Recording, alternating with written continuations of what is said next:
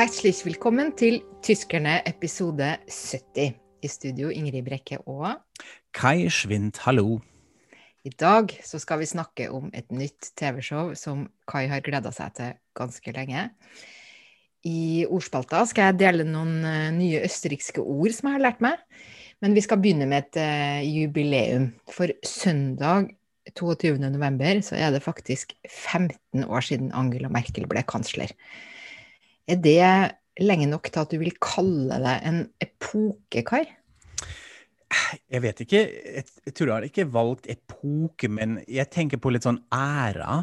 Uh, æra Merkel.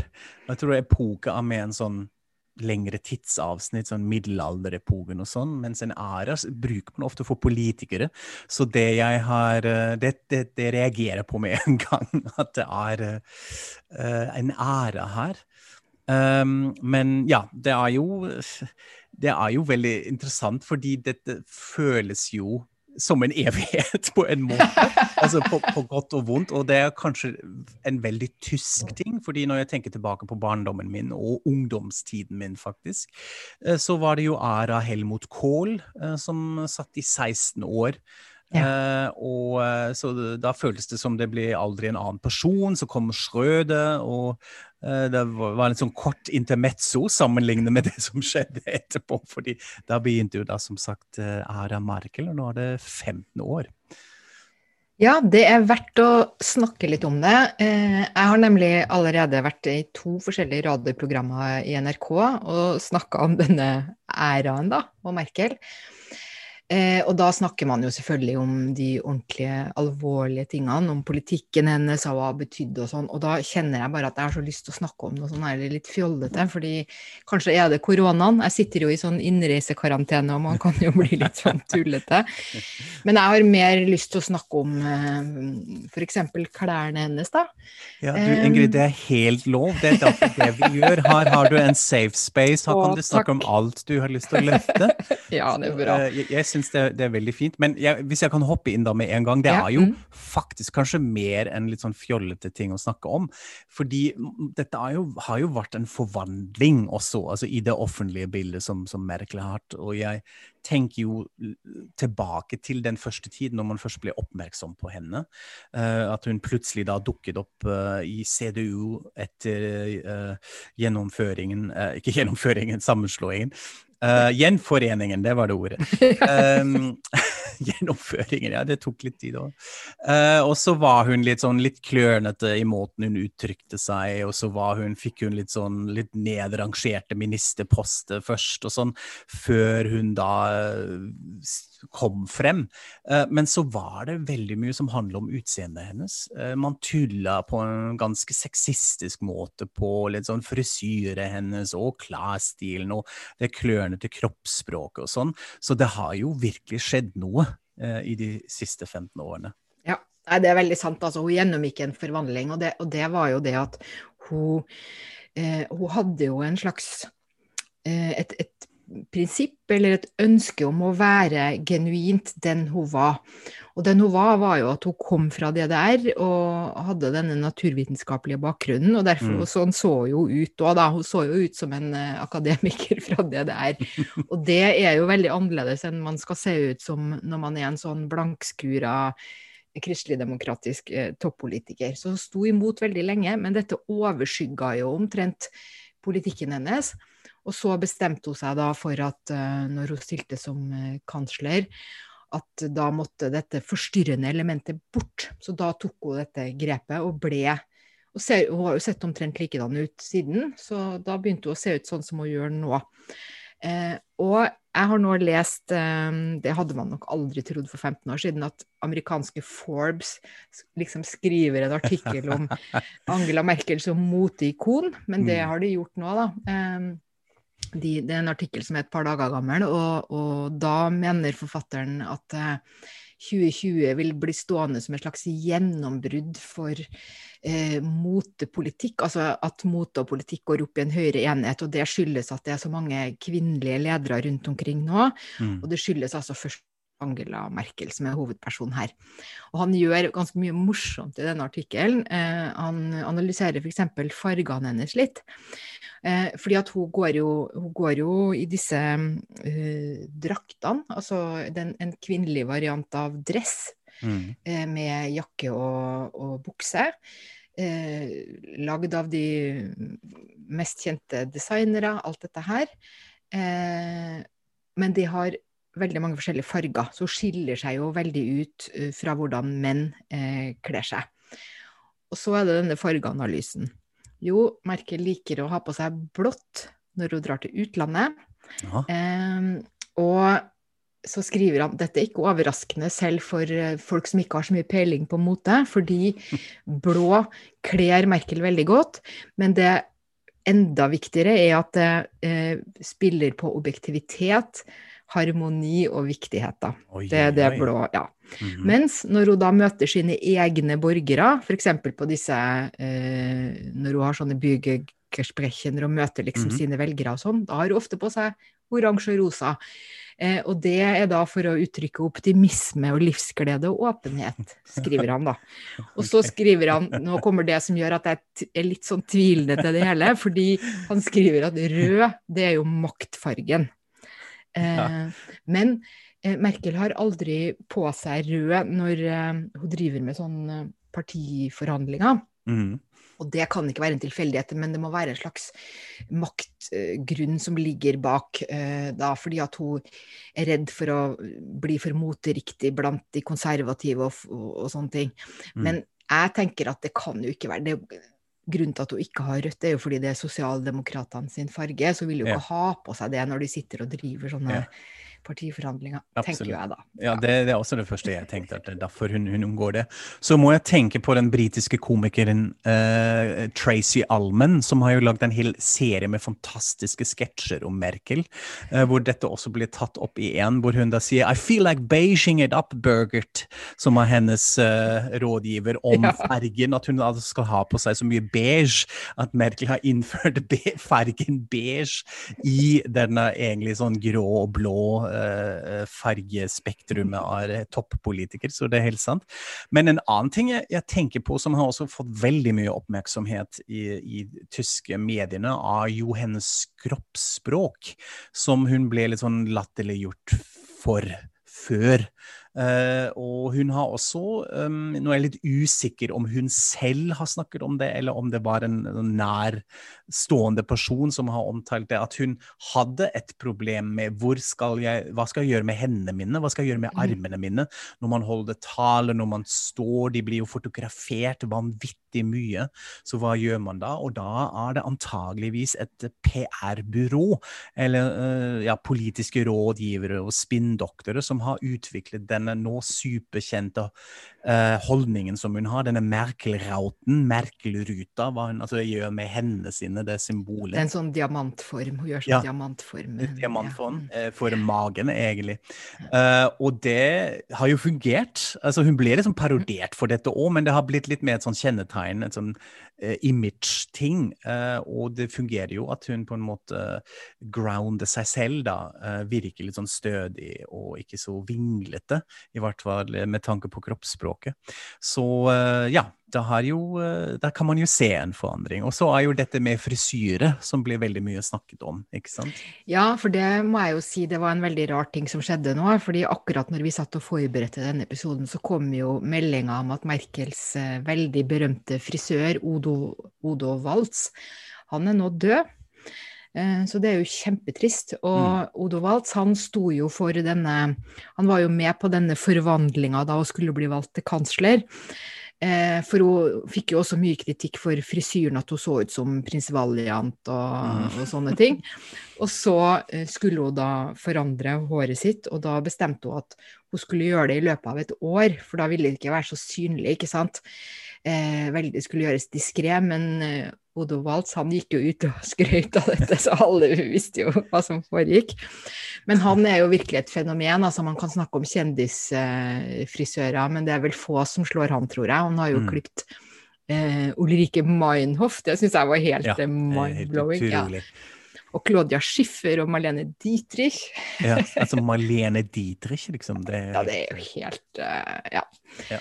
Så det er, det er, litt av en uh, status uh, han ja. har hatt, og sikkert betydd veldig mye personlig for bl.a. Uh, mm. Merkel. Ja, det var jo også en sånn steady ting hun gjorde, at hun da ble klippet av han. Jeg tror hun ble det fortsatt til sist. Det var ja. en sånn faste avtale som hun hadde for å bli klippet. Men så er det jo heldigvis uh, egentlig noe annet hun blir sikkert minnet for, nemlig også denne store politikken. Og jeg tror det som, som er ganske interessant for en fra Tyskland, eh, eller for alle tyskerne, at det er en sånn forskjell altså Det er blitt litt annerledes nå, men at det er egentlig en stor forskjell hvordan hun blir sett på i utlandet sammenlignet med Tyskland.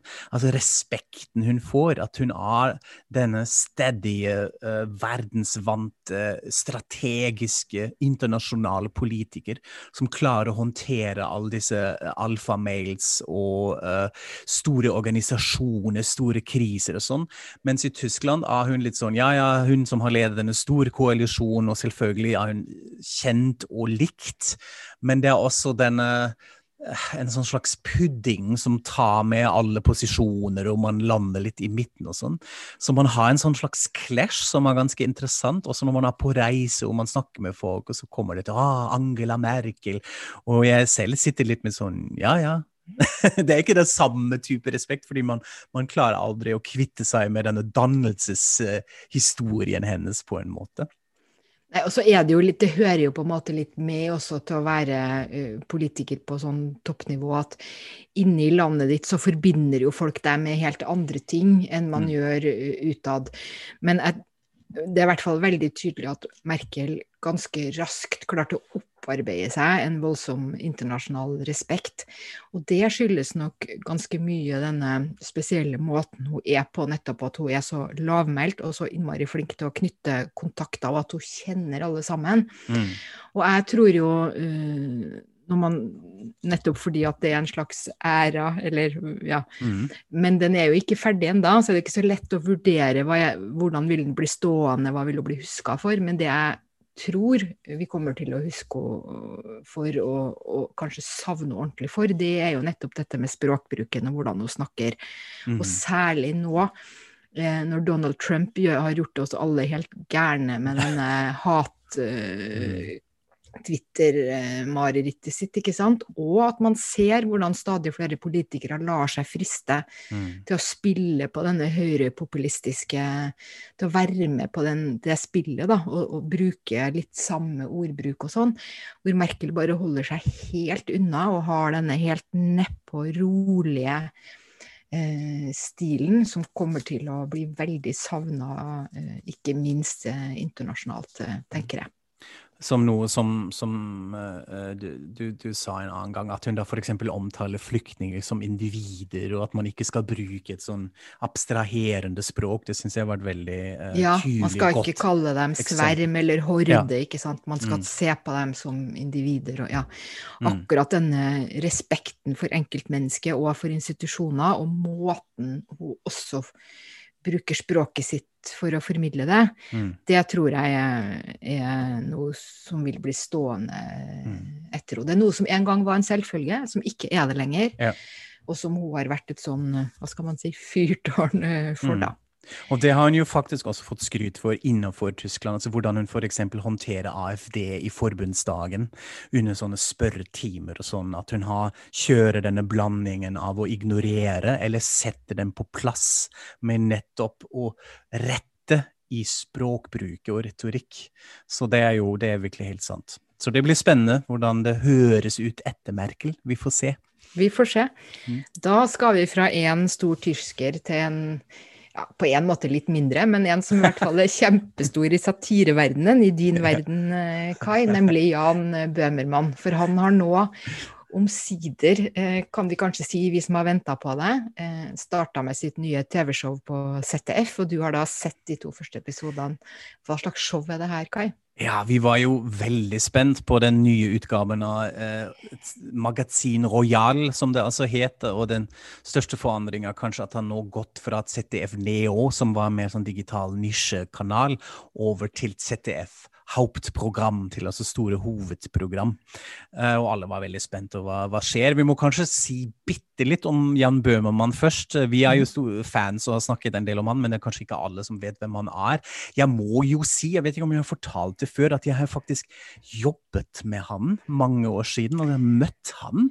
Det kan ikke uh, sies for ofte, Kai. Bare kom igjen. Ikke sant? Nå blir det kjendisskryt her fra meg. Nei, jeg, jeg jobber jo i, i radio i, i Hessische Rundfunk i, i Frankfurt og hadde ansvar for eh, radio, comedy og underholdningsbiten en stund. Og var, det var rundt den tiden hvor han begynte, og han lagde en veldig kjent radio-comedy-parodiserie hvor han parodierte fotballspilleren Lukas Podolsky, som eh, mange sikkert husker fra f.eks. VM i 2006. Eh, og Lukas Podolsky en, var en veldig flink fotballspiller, men han var ikke så smart og sa veldig mye rart i mediene og hadde en sånn veldig sånn gjenkjennelig uh, aksent og sosiolekt, kanskje, og den klarte Bøhmermann å parodiere veldig bra. Så han pitcha nettopp denne radiokomediserien også da til oss. Og vi snakker mye om det, og jeg spiste lunsj med han, og jeg tror jeg har fortsatt mobilnummeret til Jan Bøhmermann i mobilen min, men uh, jeg vet ikke om, han, om det fungerer fortsatt, eller om det er noe annet. Så ja, det var skryterunden. Men han ble jo da kjent i hele Tyskland fordi han var en sånn sidekick i Harald Schmidt-show. Og så uh, da fikk han uh, eh, ZDF-magasin Neo uh, Royal, um, som han hadde fra 2013 til 2019. Og da er det jo sånne store uh, stønn som vekte veldig mye oppmerksomhet, uh, som, uh, hvor han forfalsket et video av den daværende greske finansministeren Varoufakis, som sa noe EU-kritisk, og så la de på at han viser fingeren. Men denne videoen var jo manipulert av Bøhmermann-redaksjonen, og allikevel klarte de å selge det inn på tvers av alle store tyske Jeg husker dette var så gøy. Ja. og virkelig nærte dem og skapte en sånn stor debatt rundt det. Uh, og det andre er selvfølgelig Erdogan-saken, uh, som man også har hørt om i Norge.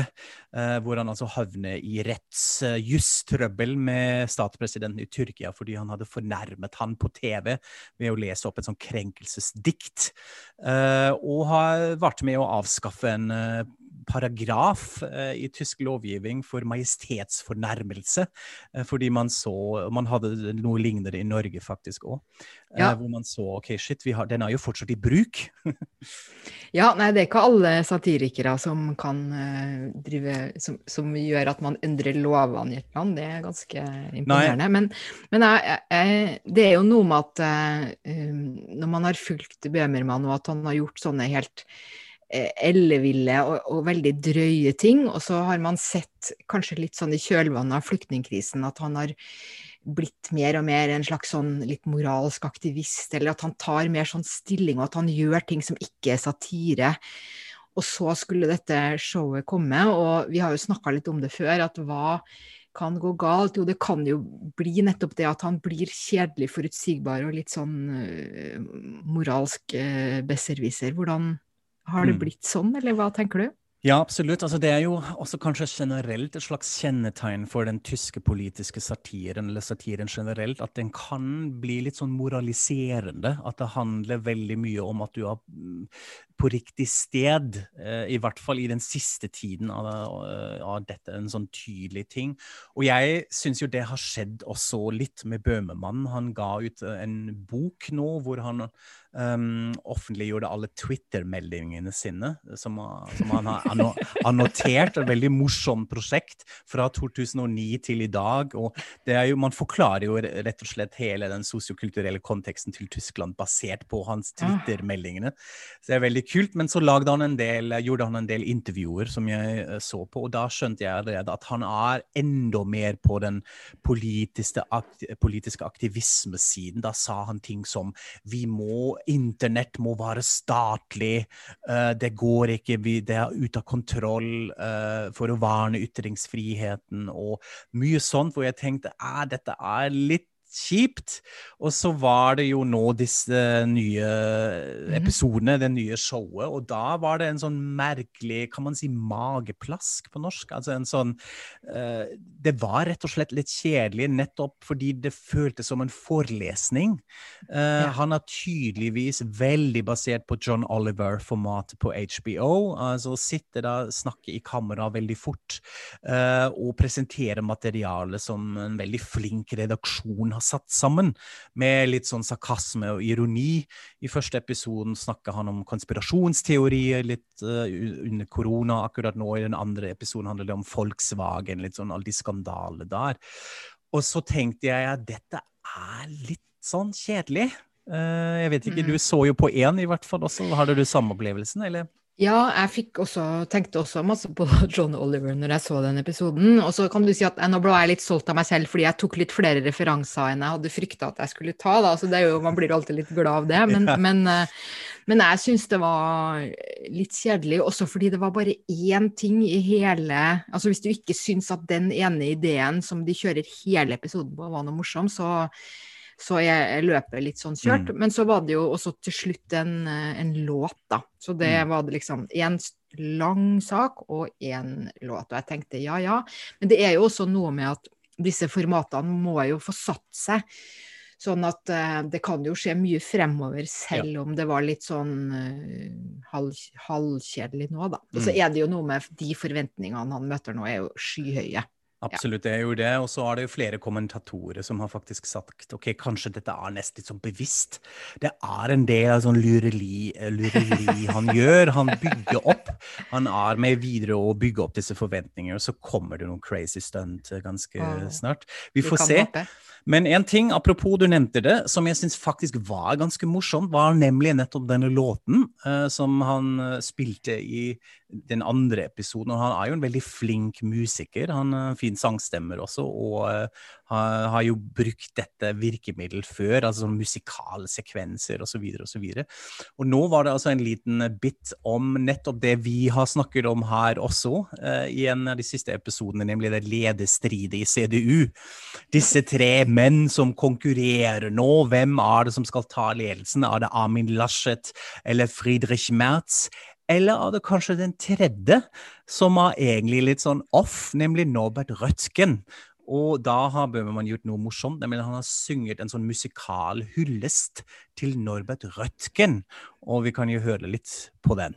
Norbert Röttgen, da nehme ich dich. da nehme ich dich. Norbert Röttgen, warum denn nicht? Warum denn nicht? Was er politisch will, ich weiß es nicht, doch mir gefällt halt sein Gesicht. Dieses Grübchen schnuckelig, warum nicht? Warum nicht? Worum geht's ihm inhaltlich? Keine Ahnung, weiß ich nicht, doch wow, das Gesicht, warum denn nicht?